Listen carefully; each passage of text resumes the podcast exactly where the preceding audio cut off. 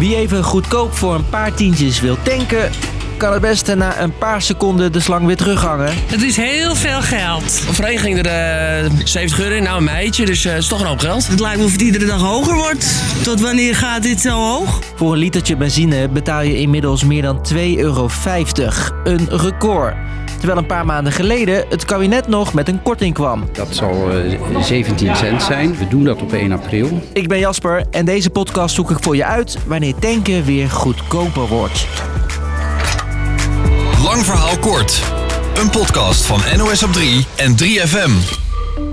Ja, erg. Hoe erg? Nou, kijk maar, zo erg. Te gek, maar uh, ja, wat doe je eraan? Hè? Dus, uh... Het zou zomaar kunnen dat jij dit onlangs ook zei toen je met de tankslang naast je auto stond. Ja, je, je kunt er niks tegen doen.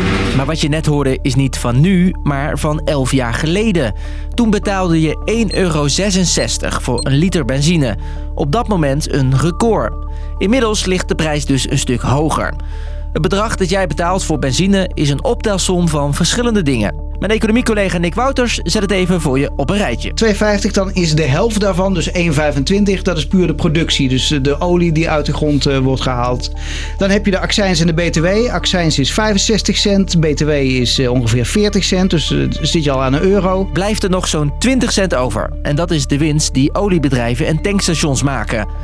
In de landen om ons heen is tanken een stuk goedkoper.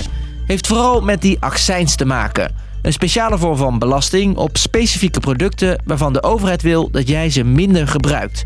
In dit geval dus brandstof. Bij ons is dat dus uh, 65 cent, hè, puur alleen de accijns. En in België is het 46 cent. En Duitsland heeft het uh, recent verlaagd, echt forse verlaging. Daar betaal je 36 cent ongeveer aan accijns.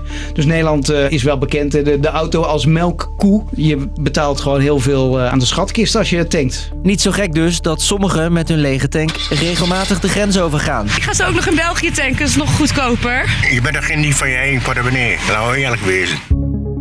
De laatste maanden zijn de olieprijzen hard gestegen. Komt vooral door de oorlog in Oekraïne.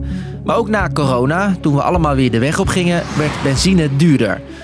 Om iedereen een beetje tegemoet te komen, zei de minister een paar maanden geleden... Gaan we um, de accijns op benzine en diesel verlagen. Scheelt ongeveer 20 cent per liter benzine. En dat zorgde op 1 april, toen de maatregel inging, meteen voor lange rijen. Ja, vandaag zijn de prijzen omlaag, dus vandaag worden we rijk aan de pomp.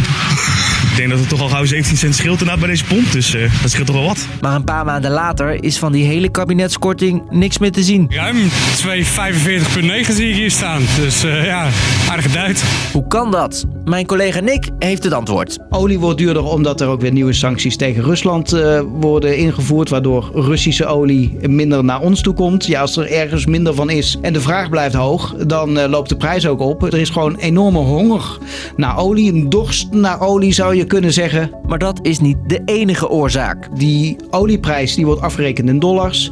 Euro is minder waard geworden en dat betekent gewoon je hebt meer euro's nodig om in dollars te kunnen afrekenen. Dus dat is ook nog een factor die zorgt dat de prijs hier nog meer oploopt. De oorlog in Oekraïne heeft dus veel invloed op wat jij bij de pomp moet aftikken.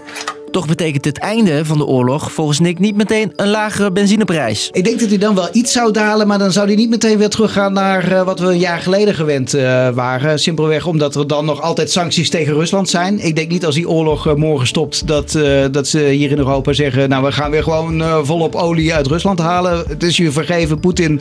We gaan weer met je handelen. Dat denk ik niet dat dat zo snel gebeurt. Gelukkig zijn er volgens Nick wel andere opties om de boel wat goedkoper te maken. Meest makkelijk is die accijns eraf halen. Dat is de, de meest makkelijke optie. Alleen uh, dan heb je een enorm probleem bij de schatkist. En dan moet er weer ergens anders uh, belasting worden geheven. Dus ik denk niet dat dat een uh, optie is. Plannen heeft het kabinet daar voorlopig niet voor. En ook dit PvdA-Kamerlid ziet liever een andere oplossing. Ik heb liever dat heel veel mensen zometeen een elektrische auto kunnen rijden.